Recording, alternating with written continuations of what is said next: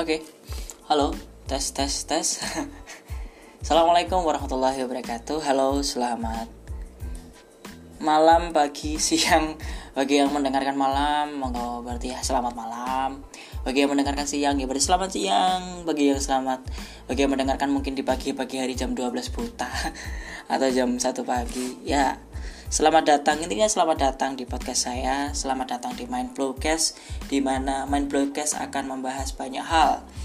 Uh, Tentu yang jadi fokus utama adalah ten Tentu fokus utama adalah tentang hal pendidikan. Pendidikan, perspektif seseorang Atau mungkin banyak hal yang kita akan bahas Yang mungkin membuat saya gatal untuk dibahas lebih tepatnya. Oke, okay. episode pertama kali ini itu akan membahas bagaimana pandangan orang-orang atau perspektif orang-orang terhadap terhadap kasta anak-anak. Oh, ntar dulu. Maksudnya itu kasta yang bagaimana? Jangan, jangan berpikir seperti dulu. Uh, kasta yang saya maksud adalah uh, mungkin kalian sering mendengarkan beberapa orang tua atau beberapa beberapa hal tentang adanya anak-anak pintar dan anak-anak bodoh ya. Nah, tapi saya kurang setuju dengan hal itu. Kenapa? Karena gini perspektif itu adalah perspektif yang termasuk bisa dibilang perspektif yang jahat cara pandangnya jahat cara pandangnya kolot. Um, dan tentu saya juga membenci dengan hal itu. Saya sangat sangat sangat tidak suka dengan perspektif itu oh tunggu dulu anda kan seorang pendidik. Nah, mungkin ada kalian dari dari kalian mengatakan bahwa anda kan seorang pendidik masa uh, dengar kata anaknya pinter ndak ndak suka gitu. Atau mungkin anda kan suatu hari nanti akan jadi bapak gitu loh. Anda anda kan seorang bapak masa nggak suka lihat anaknya pinter? Oke tunggu dulu. Uh, kita bahas dulu bagaimana kasta ini atau bagaimana cara pandang ini harus dihilangkan yang pertama gini uh, pandangan terhadap anak yang pintar dan bodoh ini harus dihilangkan. Karena apa? Karena ini adalah perspektif yang jahat perspektif yang eh, sangat-sangat yang apa ya sangat-sangat gak adil. Karena apa? Karena gini saya akan menganggap bukan saya akan menganggap saya menganggap saya menganggap bahwa semua anak yang ada di dunia ini bahkan semua orang yang ada di dunia ini itu.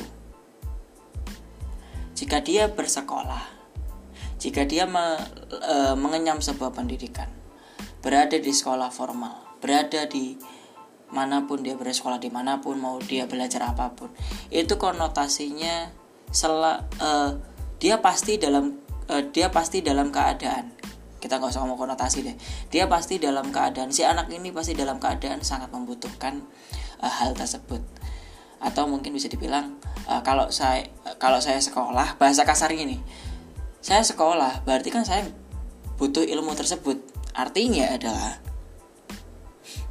artinya adalah semua anak yang belajar di sekolah atau di mana pun dia berada belajar atau apa pun itu uh, pasti konot uh, pasti berada di kondisi dia itu nggak tahu apa apa contoh deh paling gampang. Contoh paling gampang adalah anak-anak yang disekolahkan uh, di awal entah itu PAUD entah itu TK awal kita bicara awal dulu deh PAUD dan TK nah seorang orang tua seorang orang tua akan uh, menyekolahkan anaknya untuk PAUD atau TK mungkin yang nggak pakai PAUD silahkan yang nggak pakai TK silahkan kalau saya sih nggak ada nggak uh, dulu nggak PAUD pakai PAUD nggak ada nggak ada TK jadi uh, saya nggak punya ijazah PAUD dan TK lah kenapa saya bisa masuk SD itu nanti dulu saya akan bahas um, oke okay, kita kembali lagi ke masalah ke masalah hal yang pandangan orang ini pas perspektif orang ini.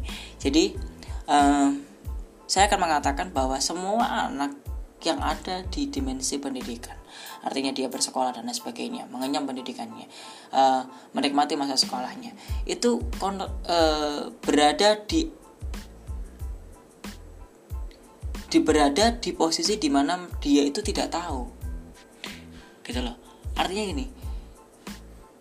Kalau dia pinter dia nggak mungkin jadi murid gitu loh. Kalau dia pintar nggak mungkin jadi murid. Ngapain dia sekolah? Wong dia pintar konotasi pintar artinya dia tahu. Maksud dari kata pintar dia tahu. Walaupun dalam beberapa hal. Tapi balik lagi ada beberapa hal yang dia nggak bisa kan? Nah artinya begini. Kalau dia pintar ngapain dia sekolah tunggu dulu sekolah kan untuk menambah ilmu.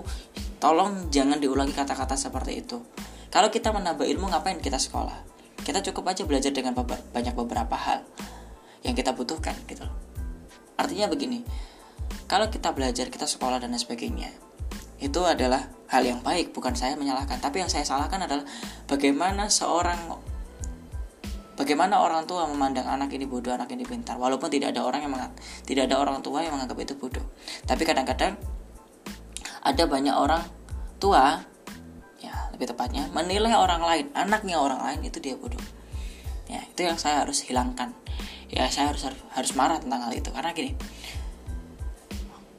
anak kalau posisi belajar di sekolah atau apa pun itu dia pasti membutuhkan hal tersebut. Artinya dia posisi di mana dia itu tidak tahu atau posisinya dia itu nol tentang hal tersebut kalau dia tahu ngapain dia sekolah di situ ngapain dia berada di situ gitu jadi uh, tolong stop untuk menggunakan kata bodoh, stop untuk menggunakan kata pintar. Nah, lalu predikat apa yang diberikan kepada anak-anak kepada orang tua kepada anak-anak ya tentunya. Predikatnya adalah uh, cukup mengapresiasi mengapresiasi apa pun yang dia lakukan. Berikan uh, sebuah penghargaan kecil saja. Tidak perlu dengan benda, tidak perlu dengan apa, cukup dengan kata, "Wow, kau bisa." "Wow, uh, bagus dan lain sebagainya terus tingkatkan dan lain sebagainya itu bagus daripada kita harus mengecap anak ini pintar karena kalimat pintar itu adalah kalimat yang menurut saya kalimat serta doa kalimat serta doa yang akan membuat anak ini menjadi sangat-sangat tidak menyenangkan kita lihat aja. Banyak uh, manusia yang um, apa ya kita lihat pintar aja. Manusia-manusia yang menurut kita pintar rata-rata. Rata-rata itu bisa dibilang tidak punya tata kerama bahkan saya punya anak didik juga uh, mereka pintar tapi kebanyakan dari mereka tidak punya tata kerama artinya komunikasi mereka kurang uh, sama orang itu selalu apa selalu memakai dengan logikanya dan sebagainya. Akhirnya menuntut mereka untuk tidak punya uh, emansipasi terhadap sekitarnya. Dan itu selalu terjadi pada anak-anak yang pintar. Karena memang kata pintar itu adalah kalimat bumerang yang sangat tidak mengasihkan bahkan itu pahit bagi orang tua yang lainnya. Maka apa yang harus dilakukan? Yang harus dilakukan hanyalah mengapresiasi setiap tindakan dengan tidak menggunakan kata pintar berilah kalimat-kalimat yang ya, yang memberikan penggambaran kepada si anak bahwa oh aku dibanggakan kepada dibanggakan sama orang tuaku. Dengan aku diberikan pujian sama orang tua aku bukan dengan kata pintar tentunya. Karena kalau kita memberikan kata pintar itu seperti kita memberikan kepuasan kepada dia. Kepuasan kepada dia untuk oh aku udah pintar aku berhenti dan kebanyakan anak pintar seperti itu rata-rata ya mungkin bisa dibilang tidak kebanyakan sih tapi itu yang terjadi pada anak-anak saya dan juga uh, itu terjadi pada beberapa anak-anak didik saya dan um, yang kedua, stop untuk menggunakan kata bodoh. Karena apa? Itu kalimat yang menyedik, menyakitkan dan itu kalimat yang hanya akan membunuh karakter seorang seseorang itu secara perlahan. Pasti. Pasti. Dan lebih baik jangan dilakukan dan itu sangat-sangat sangat-sangat sakit sekali. Sangat-sangat sakit dan itu sangat menyakitkan. Dan yang kedua, Oke, okay, jadi kita sudah bahas kita ngomong kedua juga ah, goblok. kita udah bahas masalah pintar dan bodoh. Nah, sekarang uh, mungkin dari kalian sekarang akan ada pertanyaan bahwa oh berarti selama ini selama ini saya salah? Tidak. Selama ini kalian tidak salah. Yang salah itu adalah generasi-generasi sebelumnya. Selama ini adalah yang salah adalah generasi sebelumnya. Pandangan itu muncul karena generasi-generasi sebelumnya. Pandangan itu muncul karena generasi-generasi sebelumnya dan itu uh, adalah kesalahan yang terlalu lama dipakai sehingga menjadi sebuah pembetulan waktu itu saya sudah pernah bilang bahwa benar dan salah adalah sebuah indikator yang uh, tidak ada dalam sisi manusia. Tapi kalau kita bicara indikator dalam segi hukum dan lain sebagainya agama itu ada. Tapi kalau kita bicara benar dan salah lagi, kita bicara tentang banyak sekali informasi-informasi yang salah. Informasi-informasi yang salah yang sudah masuk ke kepala kita tapi karena itu sudah menjadi kebiasaan atau menjadi uh, ya intinya kebiasaan deh sebuah kebiasaan yang terus-menerus terjadi, yang terus-menerus dilakukan sehingga otak kita akan merespon bahwa itu adalah sebuah kebenaran. Banyak itu terjadi. Contoh apa? Contoh paling gampang adalah uh, kata-kata yang sering diucapkan tentang goblok dan atau pintar dan bodoh itu tadi itu adalah sebuah kesalahan. Dan itu apa ya dan itu karena sudah terlalu terbiasa akhirnya dilakukanlah sebuah pembetulan. Karena merasa itu sudah aku sering lakukan. Sama seperti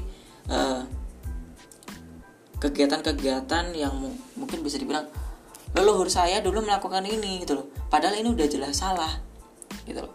Udah jelas salah udah jelas tidak sesuai dengan hukum udah jelas tidak sesuai dengan norma agama tapi karena hal itu menjadi terbiasa dilakukan akhirnya menurut dia benar. Atau yang paling gampang deh kita lihat uh, kita lihat masalah orang-orang yang pacaran. Nah orang-orang yang pacaran nih. Maaf bagi teman-teman yang mungkin masih pacaran dan lain sebagainya. Um, aku hanya merespon beberapa hal ya beberapa hal tentang uh, pacaran dan lain sebagainya. Mungkin bagi orang umum pacaran dengan ciuman dan lain sebagainya adalah adalah sebuah pembetulan. Adalah sebuah pembetulan dan toleransi. Tapi balik lagi. Balik lagi nih. Kalau kita menilai dari sebuah norma agama itu sudah jelas salah. Sudah jelas salah itu norma agama udah mengatakan salah lu ngapain dan lain sebagainya dan kalian tetap lakukan itu. Kalian tetap lakukan itu. Dan aku bukannya menyinggung kalian. Saya tidak menyinggung itu. Dan uh, itu adalah hak asasi kalian. So I don't care about this. Uh, I don't care about that. Um, balik lagi itu adalah hak asasi kalian. Tapi gini deh. Kenapa kalian bisa terbiasa dengan hal itu dan menganggap sah-sah saja? Itu kan uh, selama kita gini-gini selama kita, mungkin ada yang mengatakan selama kita muncul nggak muncul nafsu kan nggak masalah dan lain sebagainya. Um, tunggu dulu orang yang ciuman pasti akan keluar nafsu pasti. Dan mustahil bagi orang-orang yang berciuman tanpa keluar nafsu. Apalagi yang melakukan itu adalah laki-laki dengan perempuan. Uh, ya pasti pacaran dengan laki-laki dan perempuan sih nggak mungkin ya. Ya walaupun mungkin ah air karpates saya nggak nggak mau ngomong gitu deh yang jelas nah sebuah kesalahan menurut kali itu sebuah kesalahan. Tapi karena itu terbiasa kalian lakukan jadi lumrah menurut kalian. Wajar. Nah kita bicara wajar. Wajar. Karena itu hmm, dan akhirnya muncul perspektif bahwa um, pacaran tanpa ciuman uh, bagi sayur tanpa garam uh, dan lain sebagainya dan itu kurang asik kurang wajar dan itu adalah hal yang asing menurut kalian mungkin uh, dan yang kedua mungkin uh, hasil uh, pacaran tanpa sorry tanpa berhubungan seksual mungkin itu adalah sebuah uh, sebuah ketidakasikan atau sebuah budaya yang aneh kalian. Dan itulah yang saya maksud sebuah kesalahan yang terus berlanjut terus dilakukan lama kelama kelamaan akan menjadi sebuah pembenaran. Lama-lama akan jadi sebuah hal yang benar menurut kalian. Walaupun dari diri kalian mengatakan itu salah tapi kalian melakukannya dong. Dan kalian melakukan pembelaan dari situ atau pembenaran dari situ ya itulah yang membuat saya mengatakan sebuah kesalahan yang uh, terlalu lama sering dilakukan sehingga menjadi pembetulan. Nah, itu seperti uh, itu pembahasan tentang benar dan salah yang saya bahas kemarin sudah. Oke, nah kembali lagi ke masalah bodoh dan pintar. Oke, kembali lagi ke masalah bodoh dan pintar. Nah, sebenarnya bodoh dan pintar Uh, banyak orang-orang bodoh pasti nggak uh, banyak orang-orang yang akan dicap bodoh pasti nggak akan terima dong pasti itu. Pasti nggak akan diterima. Mungkin ada orang yang juga nggak peduli dengan panggilan-panggilan tersebut. Dan uh, saya pun juga akan nggak uh, akan suka gitu loh. Apalagi saya nggak suka dibilang pintar serius. Bagi saya adalah kalimat pintar itu adalah kalimat yang kalimat yang bisa dibilang bukan jadi pujian karena saya ngerasa bahwa saya ketika saya dibilang pintar ada beberapa orang yang mengatakan sok pintar makanya saya kasih kamu pintar aja deh biar kamu puas hatinya dan sebagainya. Cuman hanya menghibur diri kita padahal itu ah, aku gak suka. Serius. Saya adalah tipe orang yang gak terlalu suka dipuji. Saya adalah tipe orang yang sangat benci untuk dibilang pintar. Saya adalah tipe orang yang saya juga nggak suka dibilang bodoh, tapi sedengan. Artinya belajar. Nah, saya adalah orang yang suka belajar, tapi saya nggak suka dibilang bodoh, saya nggak suka dibilang pintar. Tapi di antara pintar dan bodoh yang paling saya nggak suka adalah kalimat pintar. Bodoh adalah hal yang masih bisa saya terima sih sebenarnya. Karena saya ngerasa saya adalah orang bodoh sebenarnya. Iya, karena saya masih belajar termasuk saya walaupun saya seorang pendidik pun saya masih belajar ada beberapa hal yang orang tua dan orang dewasa perlu lakukan dan perlu belajar. Ya karena orang tua belum tentu benar. Anak muda pun belum tentu benar. Belum tentu mereka pintar belum tentu mereka pintar. Karena ada masa di mana uh, di zaman tersebut orang tua itu nggak tahu. Gitu. Dan perlu belajar dari anak muda.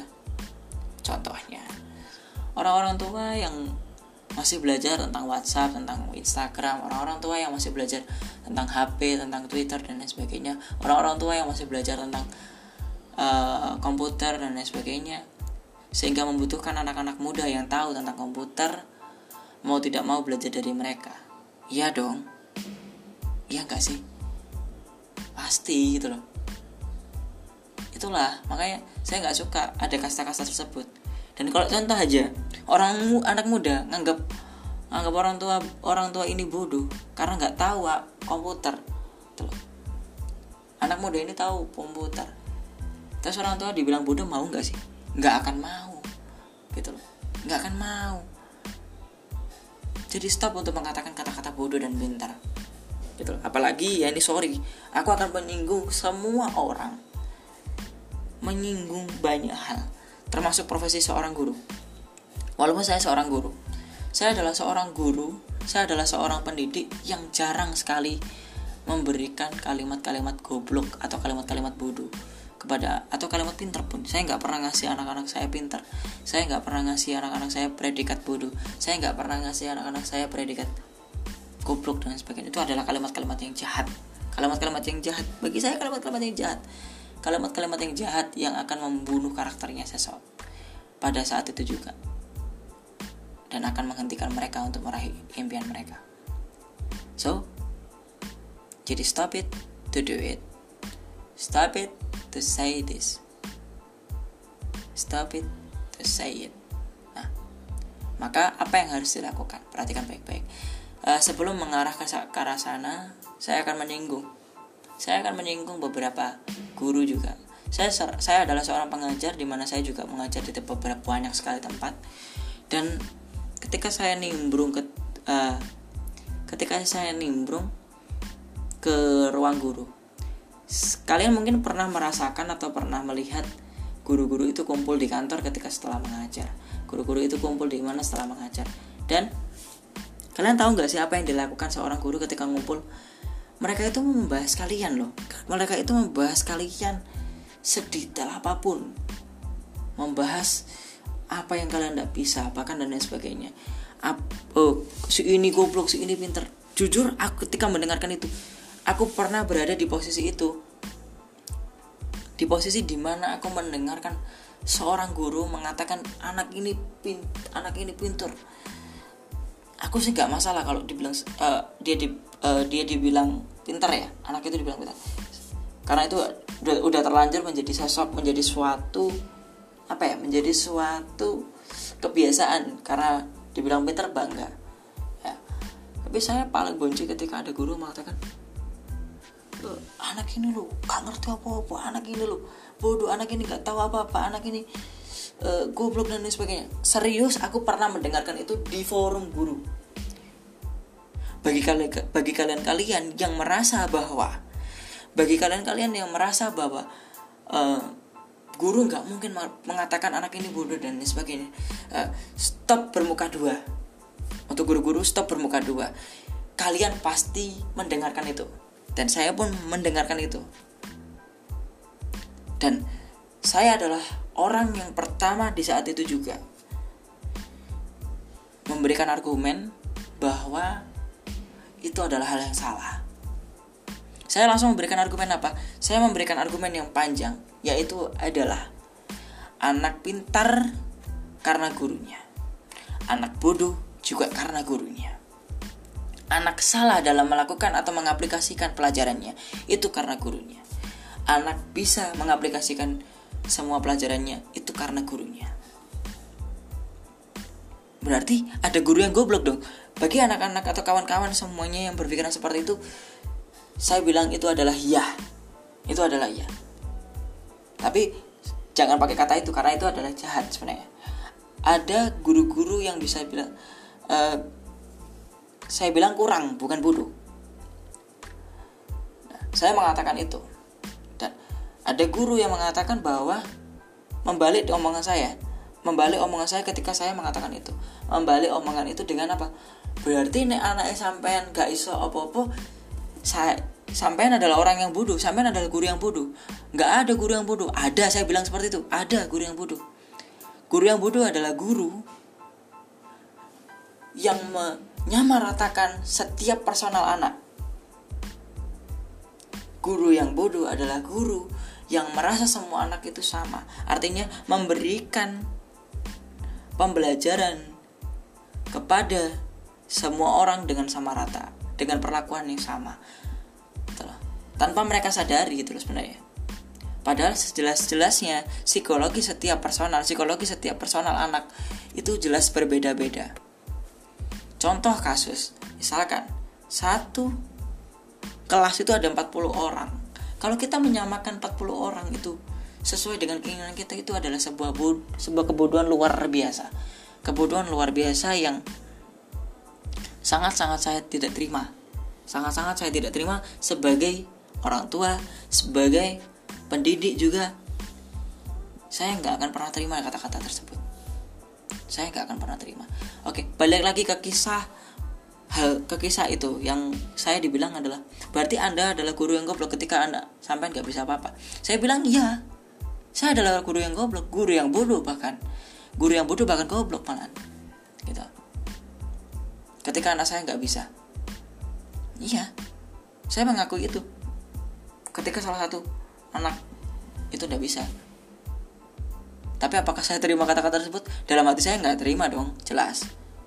Maka apa yang saya lakukan? Yang saya lakukan adalah memberikan pembuktian.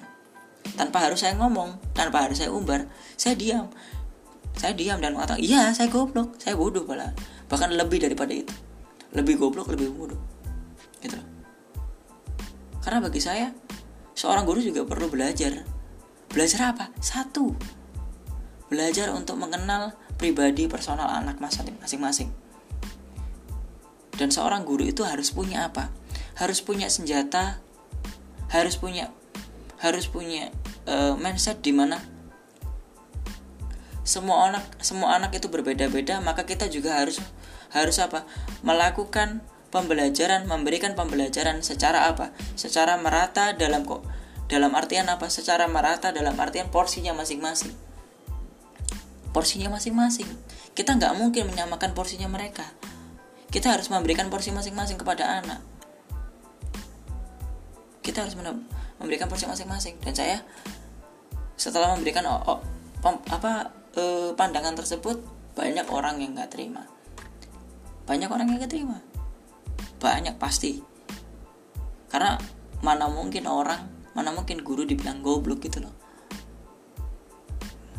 Apalagi dengan beredarnya eh, hukum-hukum yang beredar di masyarakat bahwa uh, pasal satu guru selalu benar pasal kedua jika guru salah kembali ke pasal satu itu adalah pasal yang paling goblok sedunia paling bodoh sedunia paling hancur lah paling.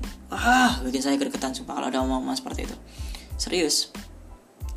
Nah balik lagi. Bagi saya seorang guru harus memberikan pelajaran pada pada porsinya masing-masing. Artinya pada porsi yang harus kita berikan. Porsi yang kita maksud adalah porsi porsi yang saya maksud adalah porsi yang kita berikan kepada anak per masing-masingnya kita nggak mungkin nyamakan porsi kepada anak-anak. Contoh nih kamu ngasih makan anak kamu punya anak lima kamu ngasih uh, kamu ngasih misalkan ngasih posisi nasinya nih nasinya sendok. Kita ngomong sendok makan. Kita ngomong sendok makan. Lima on, lima anak ini punya punya uh, karakteristik berbeda-beda. Ya kan? Kita ngasih makanan kita masih kita ngasih makanan nasi gitu aja. Kita ngasih nasi sama-sama nasi dengan porsi yang sama. Misalkan eh, Bambang nah, anggap aja Bambang deh. Anggap aja Bambang sama Budi. Bambang ini suka dikasih nasi dengan dua porsi eh, dengan dengan satu penuh satu ukuran penuh sendok. Satu ukuran sendok makan nasinya seukuran sendok makan. Telan lah. Habis itu dia seorang guru yang kedua gurunya ngasih porsi yang sama. Padahal dia nggak bisa makan makan apa satu penuh sendok apalagi segunung sendok gitu. Nggak bisa. Dia cuma bisa makan separuh tapi kita paksakan. Nggak bisa dong seperti itu. Gitu loh. Nggak bisa. Gitu loh apalagi dengan pemberian kata bodoh dan pintar. Wow itu tidak bisa itu nggak adil itu. Serius. Karena menurut saya semua anak semua anak itu punya keahlian di bidang masing-masing kepintaran di bidang masing-masing. Keahlian di bidang masing-masing. Itu udah nggak adil itu. Udah nggak adil. Sangat nggak adil kalau pemberian bodoh dan pintar itu. Oke balik lagi ke masalah itu. Saya marah dong. Marah. Tapi saya nggak ngomong. Saya nggak juga nggak memberikan apa. Saya udah langsung pergi. Dalam hati saya saya akan buktikan. Kamu kebetulan anak saya masuk. Kebetulan saya punya anak-anak kelas 6 juga. Punya anak-anak kelas 6 punya anak-anak dua yang nggak bisa baca. Oke balik lagi. Yang nggak bisa baca. Gitu loh. Nah dari situ aku saya bukti akan saya buktikan dalam hati saya gitu. Akan saya buktikan bahwa saya nggak bodoh. Akan saya buktikan bahwa saya bisa membuat mereka jadi bisa. Bisa bukan jadi pintar. Bisa. Gitu loh. Karena saya sudah memberikan statement bahwa anak yang pintar karena guru yang pintar anak yang goblok karena guru yang goblok. Karena nggak bisa memberikan pengajaran sesuai porsi anak-anak per per individunya. Gitu loh. Sedangkan semua anak itu individunya berbeda-beda. Saya langsung melakukan saya ajari mereka baca dan lain sebagainya. Dan yang nggak bisa baca saya ajarkan baca. Yang nggak bisa nulis saya ajarkan nulis. Dan dalam waktu itu dia bisa baca. Walaupun masih patah-patah yang penting dia bisa. Dia bisa nulis walaupun patah-patah dia bisa nulis. Duh. terus saya juga punya anak kelas 6 di mana mereka diacap sebagai anak-anak yang wah ya itulah kamu tahu sendiri pokoknya. Wadaw pokoknya. Saya buktikan bahwa saya bisa membuat mereka bisa masuk ke sekolah yang dia inginkan dengan nilai yang memuaskan. Gitu loh. Saya berhasil memasukkan mereka dan apalagi saya juga punya uh, ya buka-bukaan aja. Saya punya bimbingan belajar. Saya punya bimbingan belajar namanya Gria Mandiri Studi. Uh, bagi teman-teman yang pengen nanti pengen tahu Gria Mandiri Studi itu, itu nanti aja Gria Mandiri Studi itu apa. Uh, sekarang gini saya punya anak-anak juga sekolah uh, mereka mengenyam pendidikan di sini kelas 6 ada 10 anak. Oh iya ada ada 8 ya 8 8 kalau nggak salah 8 anak. 8 anak mereka bisa masuk ke sekolah yang mereka inginkan. Tapi tanpa program zonasi waktu itu uh, di masalah itu masalahnya di kecamatan tempat saya tinggal itu tidak ada sekolah negeri nggak ada sekolah negeri dan kita harus meraih jarak di e, paling enggak 2 1 km sampai 2 km untuk menuju sekolah yang kita inginkan. Sedangkan program zonasi adalah program merugikan di mana program itu adalah program yang memungkinkan anak-anak yang rumahnya dekat bisa masuk ke sekolah negeri. Dan yang paling saya jengkel adalah ketika anak-anak saya e, dari rumahnya dari rumahnya itu berjarak 1 km dengan 2 km sampai 2 km ke untuk menuju ke sekolah yang dia inginkan. Sedangkan sedangkan yang lainnya saya lihat waktu itu saya lihat peringkat-peringkat itu jaraknya paling jauh itu 900 meter. Paling jauh. Sedangkan tidak mungkin sebuah sekolah berdiri tanpa dekat dengan kampung. Itu sudah tidak mungkin Gak mungkin sekolah berdiri jauh dengan kampung, pastinya dekat dengan kampung. Dan itu menguntungkan bagi beberapa pihak tentunya.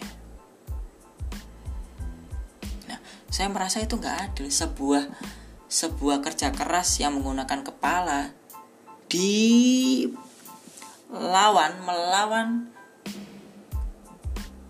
jarak saya kurang kurang setuju saya merasa itu nggak adil dan untungnya anak-anak saya semua mereka masuk tanpa harus melewati program zonasi. Mereka masuk program uh, tes potensi akademik. Ada beberapa sekolah yang uh, pakai masuknya itu beberapa sekolah negeri kita bicara ya. Beberapa sekolah negeri yang masuknya pakai tes potensi akademik.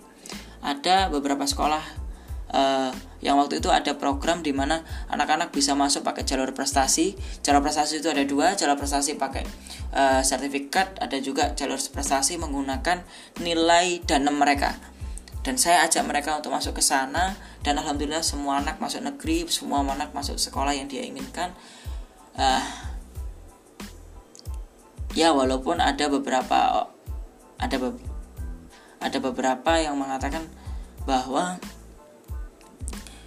mereka tidak menginginkan untuk masuk ke sekolah itu karena karena mereka ada yang keinginan untuk masuk sekolah di kota ada yang mereka pengen sekolah masuk di uh, sekolah yang bergengsi dan lain sebagainya. Bergengsi. Oke. Okay. dan sebagainya. Dan saya cukup kasihan sama mereka sebenarnya. Tapi saya memberikan omongan kamu sekolah di mana pun itu tidak tidak terlalu masalah. Yang jadi permasalahan adalah kamu mau atau tidak mengembangkan diri kamu di sekolah tersebut. Itu yang jadi permasalahan. Karena masalahnya tidak ada yang tidak bisa dilakukan manusia. Bagi saya tidak ada yang bisa tidak ada yang tidak bisa dilakukan oleh manusia. Apa pun bisa dilakukan. Yang jadi permasalahan adalah mau atau tidak mau. Oke? Okay? Mau atau tidak mau. Bukan salah atau benar, bukan tidak bisa atau bisa, bukan mampu atau tidak mampu. Mau atau tidak mau. Itu yang jadi permasalahan. Terus saya sedikit sombongkan, sedikit sombong dong akhirnya sedikit sombong kepada orang yang sudah ngasih saya omongan seperti tersebut tersebut. Saya flashback lagi kita flashback lagi ke masalah itu. Saya datang dong. Kebetulan ada forum juga datang. Alhamdulillah anak-anak saya masuk negeri tanpa harus pakai zonasi wow. Dalam hatinya dalam hatinya cekek dia. Kaget dia. Saya berani mematahkan saya berhasil mematahkan omongan tersebut. Ya kan di mana dia harus menerima omongan saya di mana uh, anak yang nggak berhasil karena guru yang nggak berhasil. Ya dong. Berarti guru itu patut disalahkan? Yap. Bisa disalahkan. Tapi dalam artian begini uh, dalam artian gini kita orang tua kita sebagai anak kita sebagai guru itu harus saling kerjasama. Artinya apa tidak ada saling menyalahkan satu sama lain. Kita harus saling kerjasama, komunikasi antara orang tua dengan guru, komunikasi dengan anak dengan orang tua, saling komunikasi, tidak saling men, uh, tidak saling uh, apa ya, tidak saling mengontrol satu sama lain. Artinya tidak saling me, uh, memberikan tekanan satu sama lain, hanya memberikan kenyamanan satu sama lain agar mau menerima. Karena kalau kita melakukan sesuatu atas dasar nyaman, apa pun yang kita lakukan pasti akan berada di tingkat yang mungkin bisa dibilang 80% keberhasilannya. Dan kalau kita nyaman. Tapi kalau kita melakukan sesuatu yang tidak ada dasarnya atas kenyamanan, uh, walaupun kita bicara bukan zona aman, tapi zona di mana kita mau melakukannya atas dasar nyaman, ya. Bukan berarti ah aku nggak nyaman, aku malas. Tidak, gitu loh. Kalau kita dituntut untuk melakukan misalkan dituntut untuk melakukan mengerjakan matematika maka mau nggak mau kita harus membuat uh, kenyamanan sendiri dong dengan matematika itu. Artinya apa? Berdamai dengan hal itu walaupun kita akan nyaman. Dengan berdamai hal dengan berdamai kita akan apa? Lama kelamaan kita akan menemukan titik nyaman kita sendiri sehingga kita bisa mampu mendengar kita bisa mampu menerima hal itu Oke. Setelah itu guru itu mengatakan selamat dan sebagainya bla bla bla sehingga tidak ada guru yang berani berargumen kepada saya nggak tahu mungkin malas karena saya terlalu banyak ngomong uh, tapi saya akan berhenti ngobrol ketika saya akan berhenti ngomong kok ketika sesuatu pandangan itu hmm, tidak salah. Selama pandangan itu tidak salah dan tidak merugikan orang lain tentunya.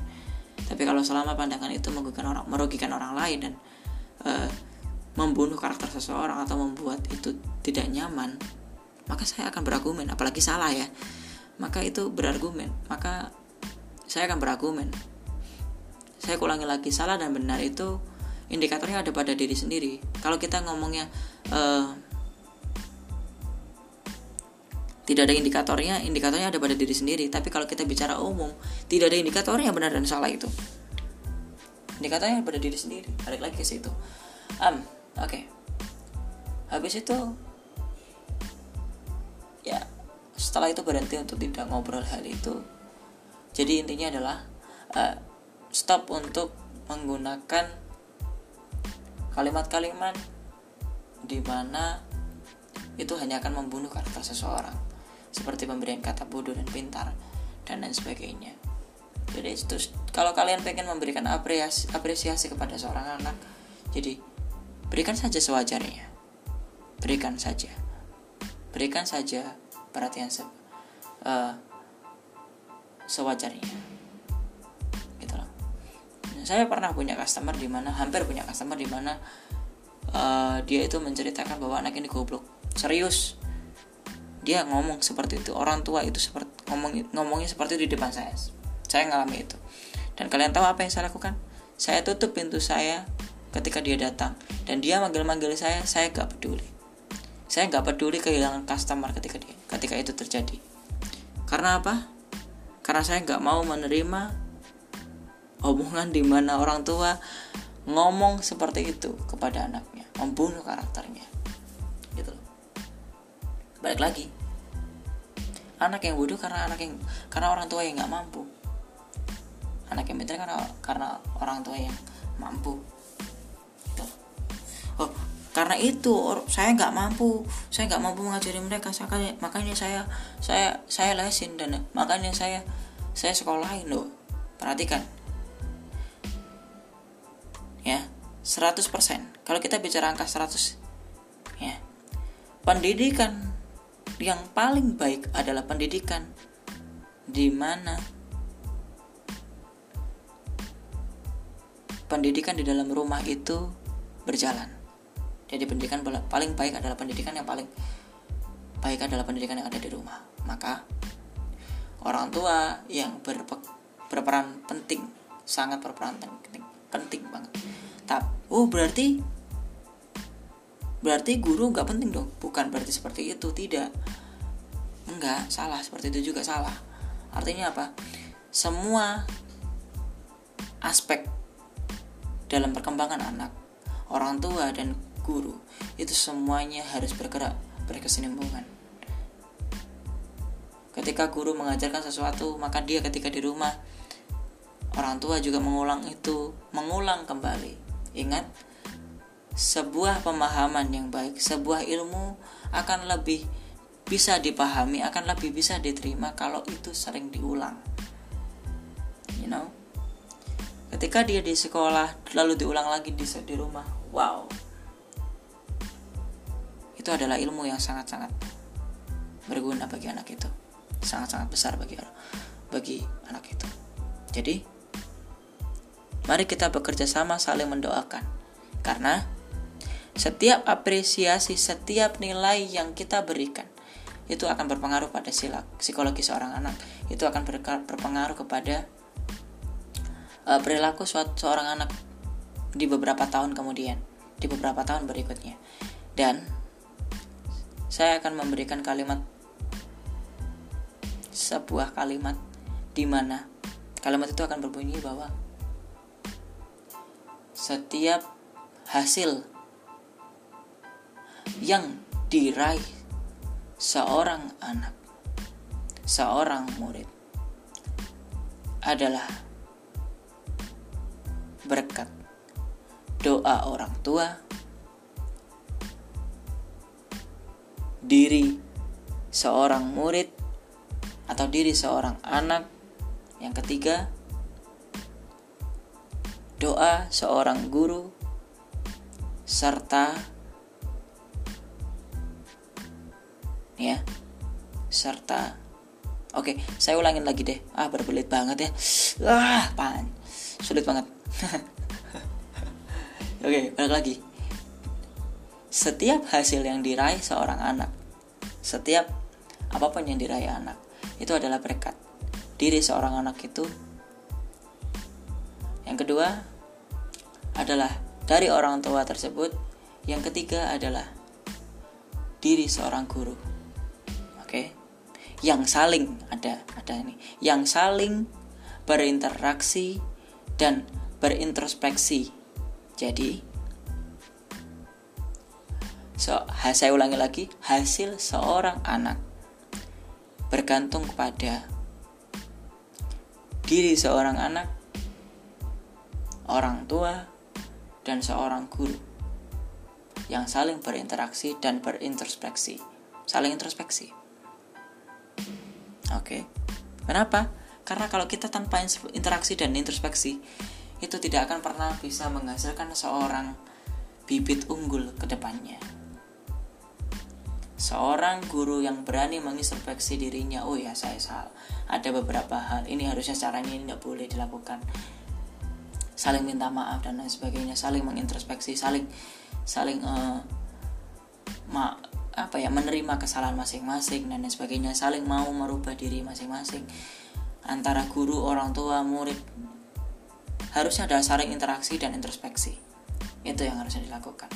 Jadi stop untuk melakukan pemberian predikat itu tapi berikan interaksi dan introspeksi pada diri kita sendiri agar orang tua bisa orang tua dan guru tentunya bisa menerima hal tersebut bisa menerima uh, keadaan tersebut atau bisa me membuat seorang anak menjadi sosok yang berhasil, sosok yang kuat, sosok yang tangguh. Karena saya ulangi lagi, hasil seorang murid, hasil seorang anak berdasarkan doa. Saya tambahin nih, doa atau intinya gini, seorang anak hasil seorang anak pada dirinya adalah berasal dari orang tua, diri diri seorang anak dan diri seorang guru yang saling introspeksi dan interaksi. Interaksi dan introspeksi itu adalah hal yang paling poin penting. Oke. Okay? Jadi stop to do it. Lakukan hal yang seharusnya dilakukan. Artinya Jangan lakukan pemberian predikat tersebut, tapi berikan interaksi dan introspeksi yang baik antara seorang anak, murid, dan orang tua. Kita saling kita saling bantu untuk mengembangkan seorang anak, kita saling introspeksi untuk membantu seorang anak, kita saling mengisi untuk saling masalah apa untuk uh, hasil seorang anak dan termasuk anak pun pendidik. Itu adalah jalan yang terbaik, itu adalah jalan yang harus kita lakukan agar tidak ada bibit-bibit yang uh, ya seperti itulah. Ya kalian tahu sendiri kan kalian nilai sendirilah. Um, ya begitulah. Wow 45 menit. Wah banyak sekali. Jadi itulah sedikit ocehan saya sedikit keresahan saya tentang hal tersebut. Um, saya ucapkan selamat datang di podcast saya selamat datang di Main Podcast selamat datang di podcast yang akan membahas tentang pendidikan isu sosial dan sharing-sharing banyak hal mungkin. Bagi teman-teman yang mungkin mau uh, sharing-sharing uh, mungkin bagi teman-teman yang mau sharing-sharing banyak hal atau mungkin mau pendapatnya atau atau sesuatu yang membuat kalian rasa pengen dibahas di podcast saya silahkan uh, broadcast saya atau DM saya ya. Atau kirim email di tempat di email saya. Email saya sudah tertera di uh, Spotify saya. It, it, email saya sudah tertera di anchor saya di akun anchor saya di akun Spotify saya silahkan hmm, akun-akun Instagram silahkan isi DM DM saya di silahkan DM saya di akun Instagram saya silahkan komen atau mungkin kirim email di email saya atau mungkin silahkan nge-tweet atau mungkin kirim pesan di Twitter saya silahkan bebas. Ada akun Twitter ada akun Instagram ada email di situ. Ya silahkan kalian bisa DM kalian bisa uh, bisa mungkin minta beberapa minta hal yang kalian mungkin rasain tapi kalian nggak bisa rasain nggak bisa ngomong.